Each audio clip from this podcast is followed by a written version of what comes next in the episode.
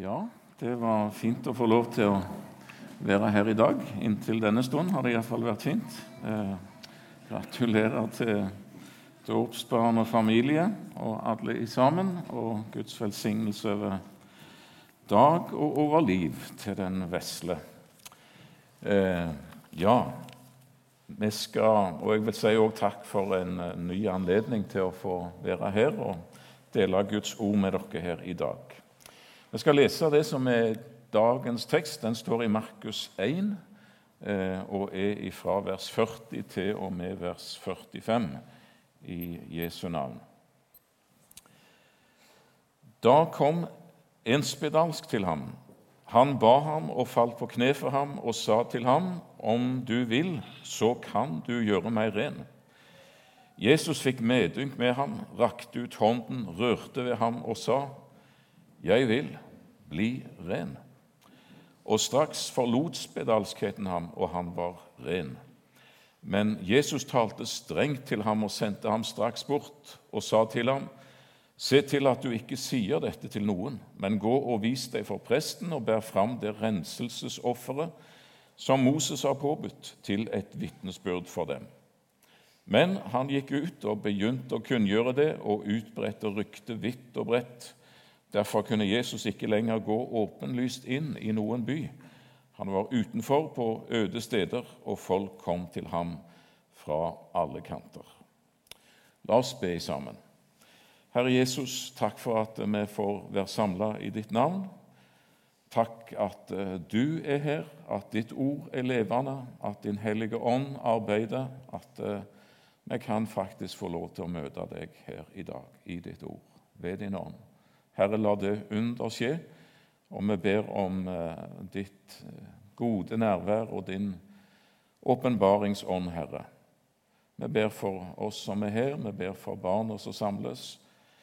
Ber for eh, veslegutten som er døpt til deg i dag. Herre, velsign han og fyll han etter ditt ord og dine løfter hvert skritt og hvert øyeblikk.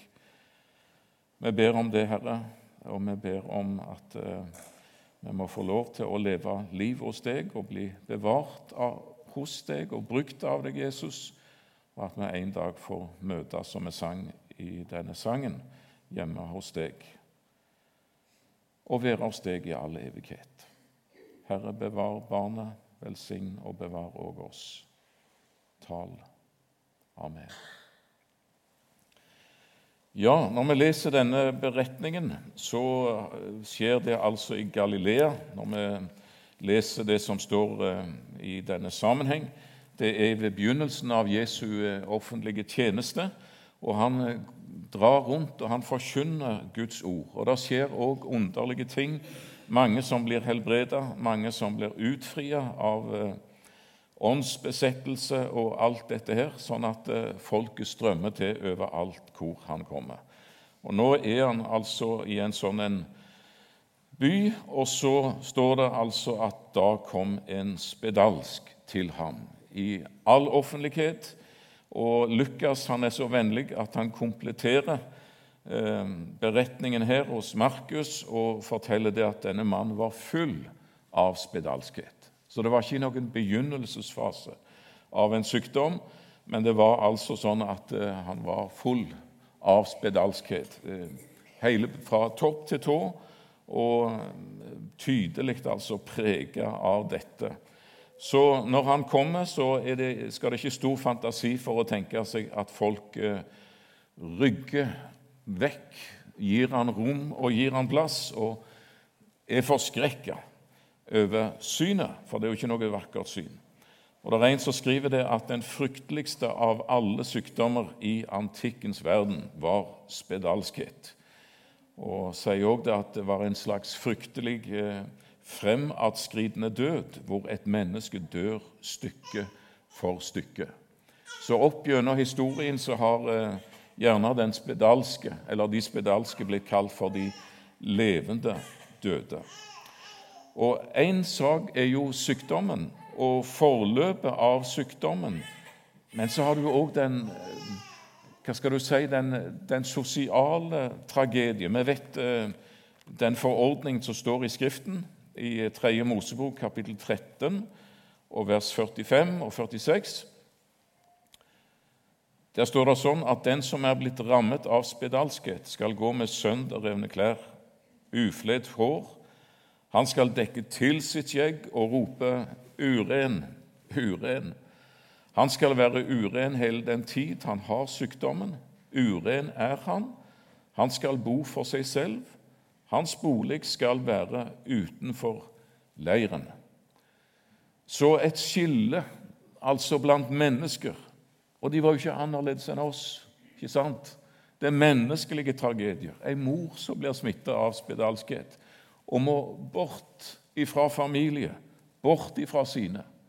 En ektemann, en far i barneflokken, ei sønn, ei datter som blir smitta, og så er det ingen bønn.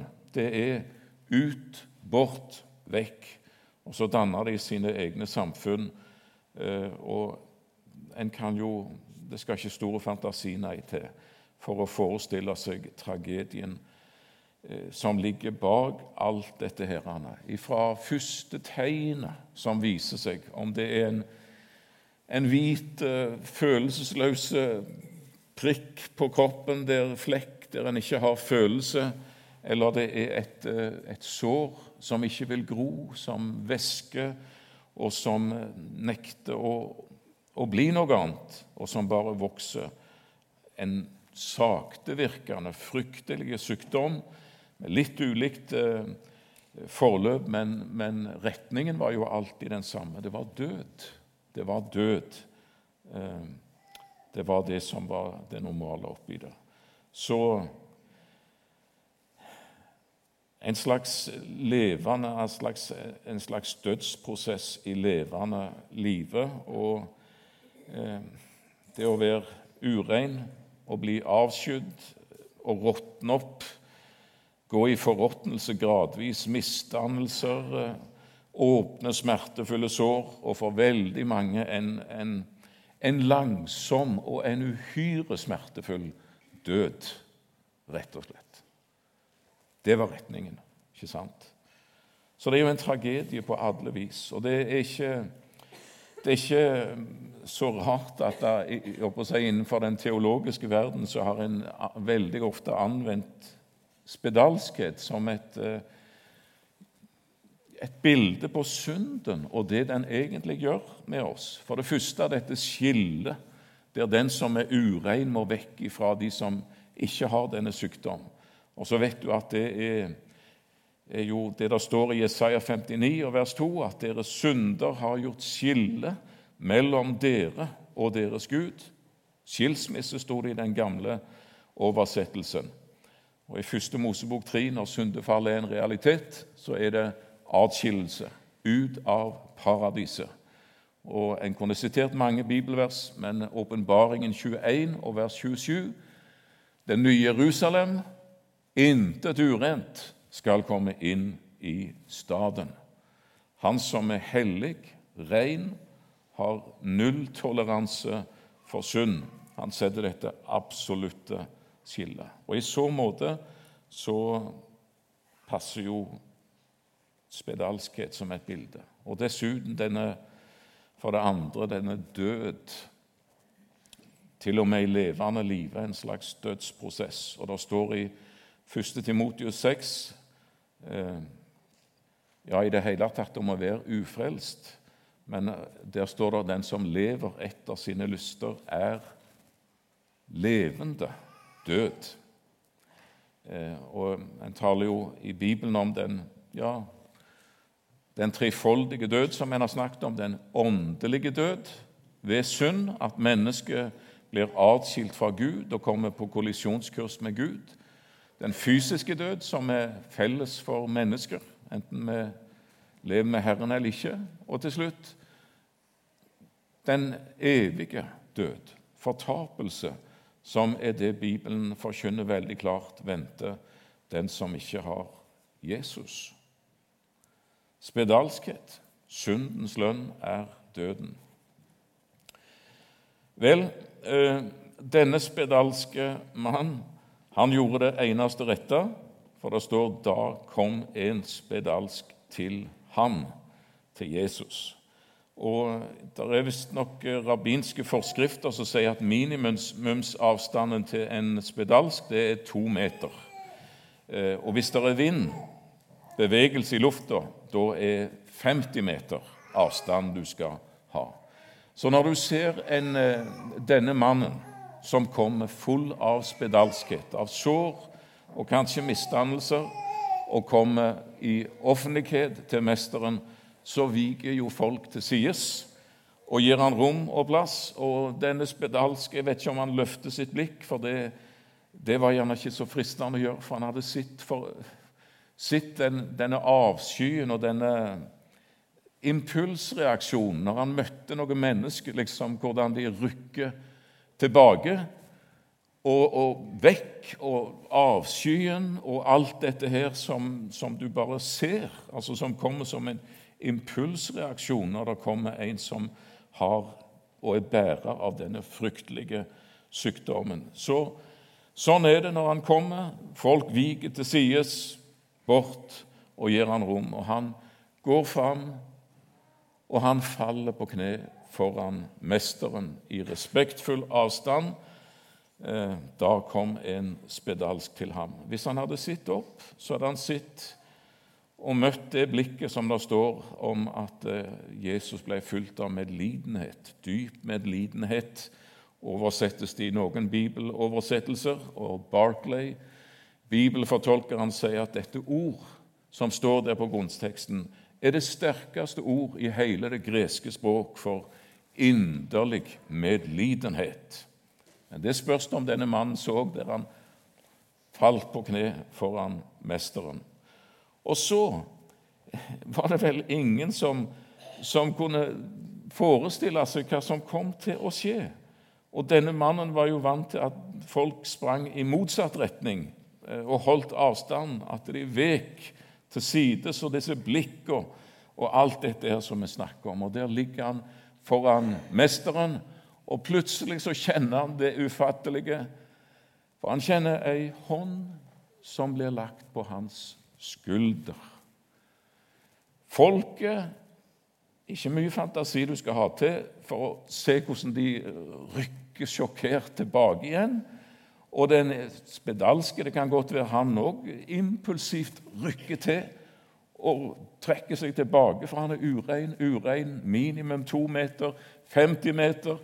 Folk springer når de ser han og møter han en mann på veien en eller annen plass, så han bare rope 'urein, urein', og så flykter alle til alle kanter. Hvem er denne mannen som legger ei hånd på hans skulder, som berører han? Og selv om denne spedalske gjerne rykker til, så trekker ikke denne mannen sin hånd tilbake. Den hviler på ham. Berøring, det er viktig. Jeg vet det. Vi vet at berøring er viktig, og jeg husker ennå det inntrykk det gjorde på meg når jeg leste om en sånn såkalt uh, boblegutt. En liten gutt som var født uten uh, immunforsvar, uh, og som derfor altså ble plassert i ei sånn ei, ei sånn boble, rett og slett, der alt skulle være sterilt, der Alt som ble brakt inn, og der kontakten med dette barnet alltid var ehm, Det var alltid et plastbelegg imellom.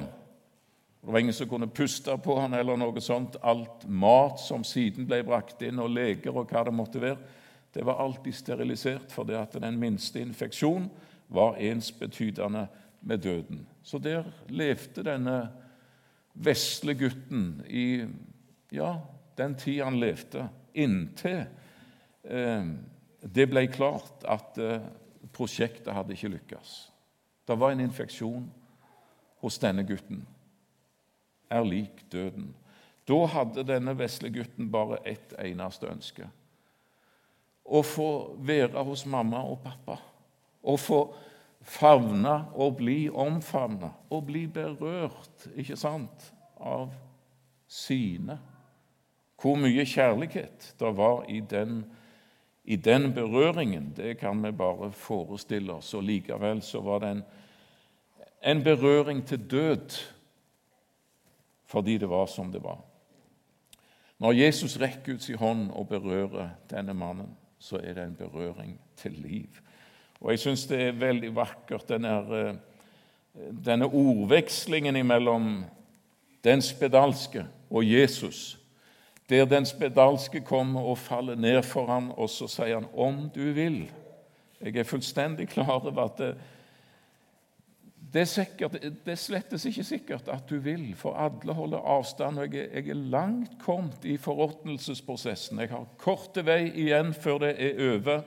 Og jeg våger ikke å be om at du må, rekke, at du må helbrede meg. Men hvor skal jeg gå, og hvem skal jeg gå til? Om du vil, kan du gjøre meg ren. Dette nølende, forsiktige usikre om alle forbehold. Også dette, denne hånd som berører. Hvor lenge siden var det et, et menneske hadde berørt denne spedalske? I alle fall en frisk. Og så dette kontante og avgjorte svaret. Ingen nøling hos Jesus, ingen reservasjoner. Jeg vil bli ren. Da skulle jeg likt å ha vært der. Jeg skulle ha likt å være der det øyeblikket. Når eh, han som var kommet så langt, og så plutselig så er alle spor borte. Såret og knutene og alt det væskende, hele elendigheten. Og der ligger denne mannen fremdeles på kne og reiser seg opp aldeles. Ser sine hender og ser sine føtter og ser alt i sammen. Og ser på folk. og jeg skulle gjerne ha vært der i det øyeblikket.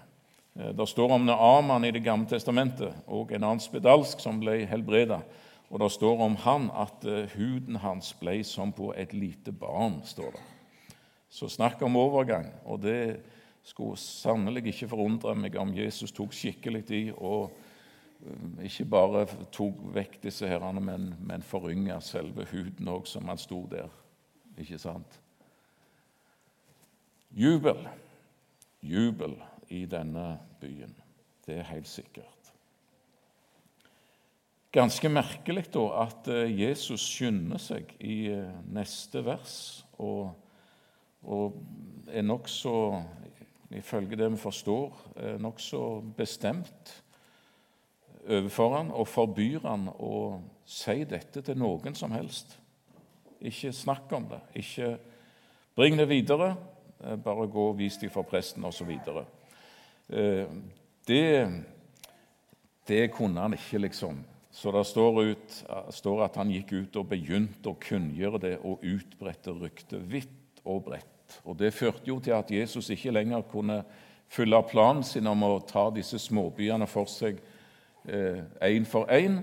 For nå, nå var ryktene ute og gikk og sprang og Derfor så måtte Jesus søke ut forbi. Men folket kom likevel til ham. Det står noe i en annen sammenheng hos Markus, der òg Jesus eh, sa at dette må ikke bringes videre. Så står det eh, i eh, kapittel 7, tror jeg det er, at eh, det kunne ikke holdes skjult. Markus 7 og vers 24. Det kunne ikke holdes skjult. Og Sånn var det vel med denne denne forhenværende spedalsk òg. Folk visste jo hvem han var, så de hadde sine spørsmål når de så han gå der. Helt ny. Eh, og det er klart at eh, hos denne spedalske så forhenværende så sprengte det jo på på innsida òg. Og det er rart når, med det når hjertet er fullt, og når hjertet flyter over. Da kommer det jo ut gjennom munnen, som eh, Jesus sier i Matteus 12 og vers 34. Så han fortalte om Jesus og avla vitnesbyrd om han. Og det, Vi har ikke fått noe taleforbud. Tvert imot. Vi skal få vitne videre. Eh, jeg holder på, jeg har kikka litt i de siste dagene i ei Jeg har ikke fått tid til å lese så mye, faktisk, men kikka litt i en, i en gammel eh, biografi. Ikke så veldig gammel, men om Åge Samuelsen. Eh, og det er interessant lesning. Mannen eh, med de fine sangene og som en ja, vet, hadde et liv som ikke var så enkelt. Men eh, ganske gripende å lese om denne fyren som var vant med fest og fyll og baluba og slåssing. Det var liksom det som var hans liv. Og så ble han frelst. Og så kunne det ikke holde skjult. Simpelthen. Så det hendte at når han gikk der på gata i Skien, står det i denne boka, så, så ble han bare så overveldet av, av frelsesjubel at midt på gata så stemte han i et høyt halleluja. Høylys dag og alt dette her. Og det, det skammer han seg egentlig over, for han eh, var litt beskjeden òg. Eh, men det kunne simpelthen ikke holdes på innsida eller skjules. Så når han skulle ta telefonen, ringte, og han skulle si hallo, så ble det halleluja der òg. Og når han skulle stå i butikken og skulle si takk til kassadama for alt dette, så ble det halleluja. Han skjemst, og han eh, prøvde å ta seg sammen, men, men det var bare det at det, hjertet var fullt, og han eh, kunne ikke holde det på innsida. Dette er en liten parentes. Det er ikke alle som likte det. Katten der hjemme likte det f.eks. ikke. Så når Åge ble overveldet av frelsesglede eh, hjemme i huset og og begynte å takke og prise Herren høylytt. Da, da, fikk katten nok. Da heiv han seg på broder Åge med klør og beit seg fast i nakken på broder Åge til han tidde stilt. Så Åge sa den katten må bli frelst. Eh, men de visste ikke helt hvordan det skulle gå til, så de ga han heller rottegift. Eh, solid dose. Det er ikke så lett å ta kverken på en katt, det vet de som har prøvd så den ble lam bare på bakpotene. Så han var et sørgelig syn der han slepte seg fram gjennom etter forpotene. Og da, da, var det noen av barna som sa men vi kan jo be for han, at han må bli frisk. Og det gjorde de, og katten ble frisk og ble veldig velvillig innstilt overfor bønnemøter etterpå. Så kanskje han ble ja, det ene og det andre. Det var iallfall sånn med denne mannen at uh, hjertet var fullt, og det kan vi forstå. Og han hadde noe å si. Han hadde noe vakkert å si om den frelser han hadde møtt. Ikke noe som er sterkere enn det. Teologiske avhandlinger og alt sånt, det er fine greier, det. Det er ikke noe som er sterkere enn et vitnesbyrd om Jesus. Du kan tape diskusjonene på arbeidsplassen og hvor det måtte være, men et vitnesbyrd om Jesus, det, det blir ikke glemt. Det skal jeg si. Eh, jeg syns det er noe veldig og Til Jesus er du velkommen med all nød. Det er fint. Og med, som denne spedalske som kom med sin sykdom, så er det full anledning til å komme til Jesus og søke ja, både han og venners forbønn i så måte. Og Det er stort å få se at Jesus òg i dag er helbrederen. Og så har en òg mange spørsmål for den som ba og ikke fikk på sin måte. Fikk helbredelse, men eh, det er bare et tidsspørsmål. For eh, hos Herren så vet vi at det blir ingen sykdom. Og da, sier Skriften, da skal den lamme springe som en hjort, og den stummes tunge skal juble, og den blinde skal se, og osv., osv. Det står noe i Jesaja 35, der som jeg siterte litt ifra, og Jesaja 33, så står det om et, en vidunderlig by og et land og et rike som er bebodd av mennesker som har fått sin synd tilgitt, står det. Det er de som er innbyggerne der. Og Det står ikke noe i den sammenheng om hva de kommer til å si. Det står det ellers noe om i Skriften. Men det står noe om hva ingen innbygger i den byen skal si. Ingen innbygger skal si 'jeg er syk'. Det er slutt, da. Det er bare et tidsspørsmål. Det er bare et tidsspørsmål. Og det er flott å være borger av et sånt rike. Vi, vi må stoppe litt ved dette, dette flotte uttrykket. Altså denne mannen som kommer til ham med sin nød og sier 'om du vil' kan du gjøre meg ren? Full av reservasjoner og nølende og forsiktig. Og så dette avgjorte svaret 'Jeg vil bli ren'. Det står mye i Skriften om hva som er Guds vilje, hva som er Jesu vilje. Bare sitere noe. Første Tim 2, vers 4. Han vil at alle mennesker skal bli frelst og komme til sannhetserkjennelse. Og I 2. Peter 3, vers 9 der står det både hva han ikke vil, og hva han vil. Han, som, han vil ikke at noen skal gå fortapt, ikke du, men at alle skal komme til omvendelse. Det er veldig fint å vite det. Da slipper jeg å gå og gruble. Slipper jeg å gå og tenke hvorfor ei liste er det mitt navn står på. Er det de som han vil skal bli frelst, eller er det de som det ikke er noen sjanse for? Han vil.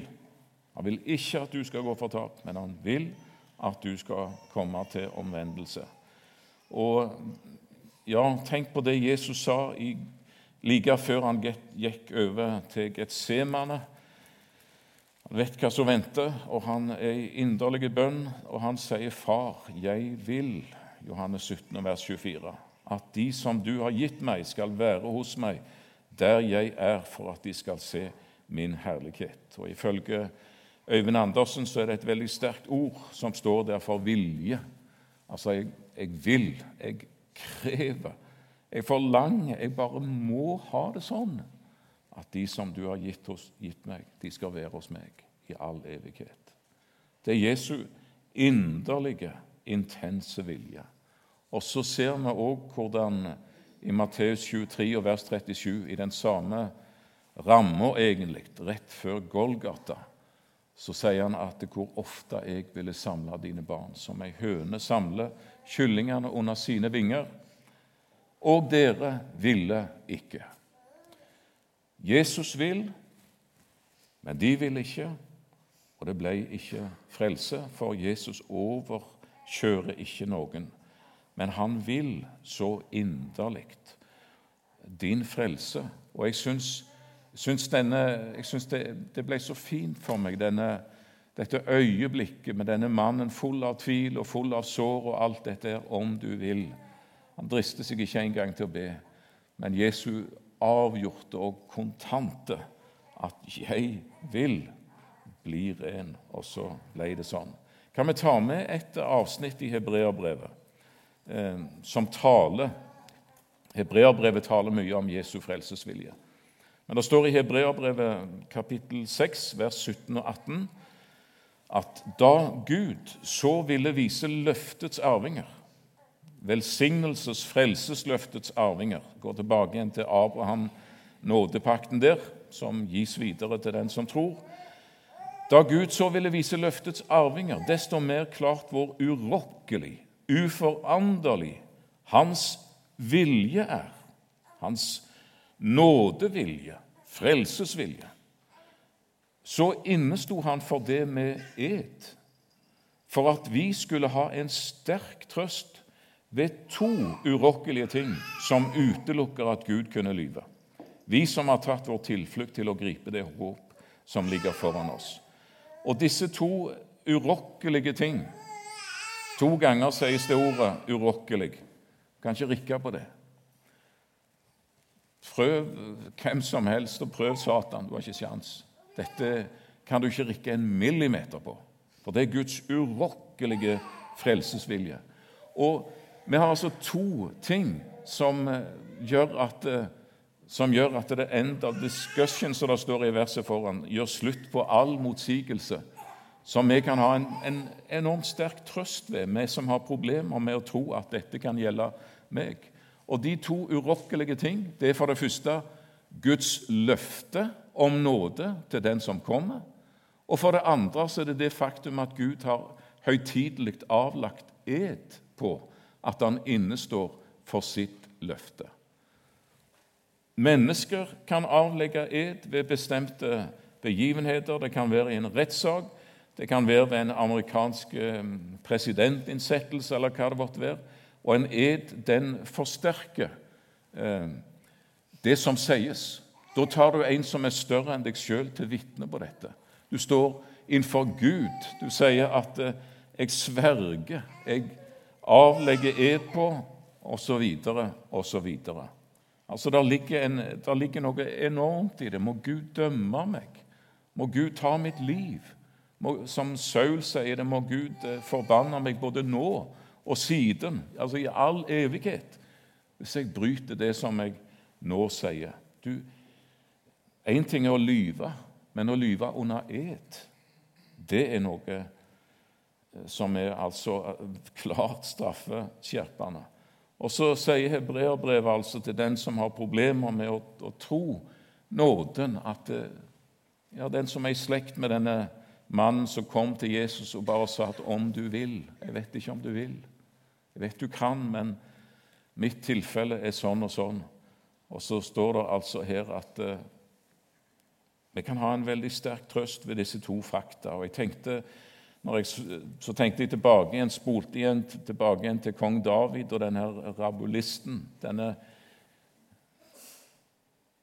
crazy fyren. Så når David eh, flykta fra Jerusalem med alle sine soldater og sine mennesker, sine folk, fordi at hans egen sønn sto han etter livet, hadde gjort kupp, og David forsto jeg må vekk herifra, vekk fra blodbadet i Jerusalem. Det kommer uansett til å, til å gå galt. Det kan ikke stå meg imot eh, Absalom. Og Så flykter han gråtende oppover skråningen av Oljeberget eh, med hele med sine lojale folk og soldater. Og Så kom han forbi en by som heter Bahurim. Unge menns landsby, betyr det visst. Eh, og der kommer det en galning springende ut. Simei er hans navn. Og Han springer imot David og hans soldater, og han roper forbannelser. og Sier du er en blodhund, du er en niding. Han får de verste forbannelser han kan komme på, det slynger han over David og han eh, tar opp steiner og han begynner å kaste dem på David. Og David gjør ikke noen motstand. Og Så går den prosesjonen framover, og så er det en skråning, ei li der, står det. Og Der går Simei oppi den lia og kaster på stein og på sand, så det hagler over David, kongen. Og hva er det han heter? han, denne her, han tjeneren som sier at 'la meg få lov til å gjøre en slutt på dette', 'la meg få lov til å pynte på den mannen med å gjøre han et hode kortere'. Vi kan ikke ha det sånn som dette, at han skal forbanne kongen. Så sier David 'la han få lov til det'. La han få fortsette. Og så går Simei der til han ikke orker mer, og så snur han så går han tilbake igjen til Bahurim. Tre kapitler senere i 2. Samuel kapittel 19. Da har David seira og er tilbake igjen til Jerusalem, på vei mot Jerusalem, fremdeles som konge. Og han passerer Bahurim. Jordan går ned forbi der elva. Og når de holder på å krysse over, da kommer en mann springende ut av unge menns landsby. Simei. Han faller ned for kong David, står det i 2. Samuel kapittel 19. Og han sier, 'Herre, tilregn meg ikke det gale jeg har gjort,' 'og kom ikke i hu det onde som din tjener gjorde da, den dag da min herre kongen dro ut fra Jerusalem.' For din tjener vet at jeg har syndet. Kan du tilgi meg? Da sa kongen til Simei, vers 23, 'Du skal ikke dø.' Der han ligger på kne foran kong David og Abisai står og, og, sier at han skal dø, han skal dø, han skal dø. han skal dø. Loven. Og så eh, sier kong David, henvendt til denne mannen, 'Du skal ikke dø'. Det er punkt én. Og kongen lovte ham det med ed.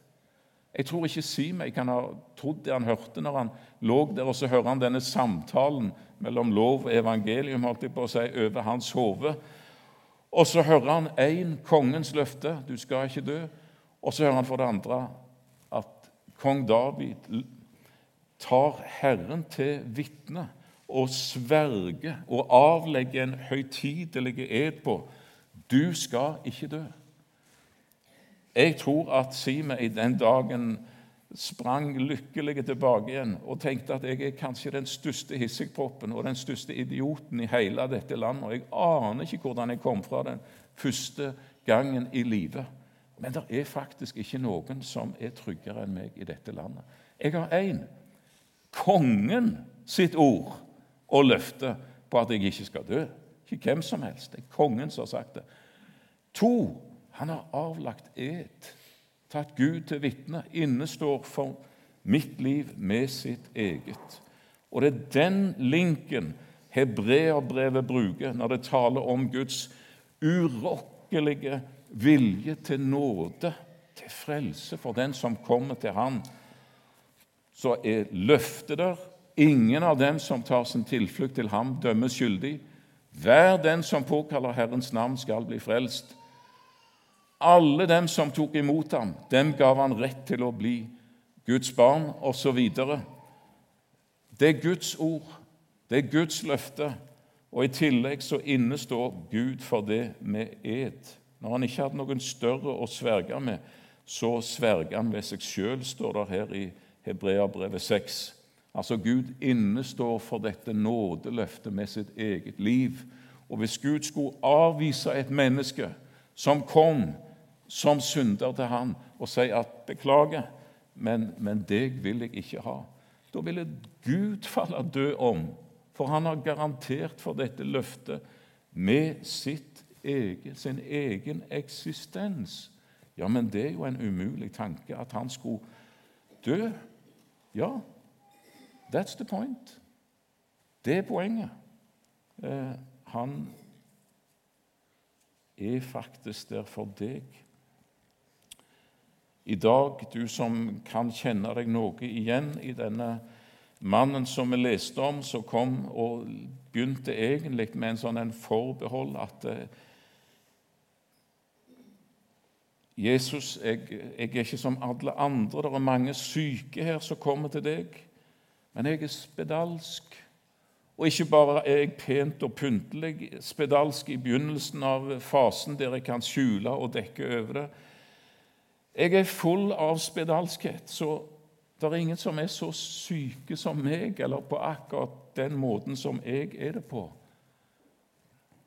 Om og men. Men om du vil, så kan du gjøre meg rein. Og så feier Jesus alt det der til sies, og så sier han 'Jeg vil bli ren'. Jesus vil at du skal bli frelst. Jesus vil røre ved deg. Jesus vil, vil, vil, og hans vilje er urokkelig. Ha deg som sinn. Du kan avvise det, men hvorfor i all verden skulle du gjøre det når Jesus døde for dine synder og er her akkurat for deg, full av nåde? Du har dine om og men og forbehold. Nå har jeg prekt for lenge. Jeg skal, men jeg, jeg kjørte jo jeg, jeg, tenkte på det igjen, jeg har helt sikkert sagt det før. Men jeg tenkte på det igjen når jeg kjørte inn gjennom til Salem i dag og skulle preike. og Så ser jeg denne butikken som ligger der rett langs eh, veien ved innkjøringa til selve byen. Nå er det vel en trafikkskole. I, i gamle dager så solgte de bl.a. så var det en motorsykkelforretning. og jeg... Eh, jeg kom igjen til å tenke på den gangen når jeg skulle preike i Salem ungdomsforeninger. Det er mange, mange år siden. Da var jeg enda yngre enn jeg er nå. Eh, og jeg, eh, Kona skulle på nattevakt.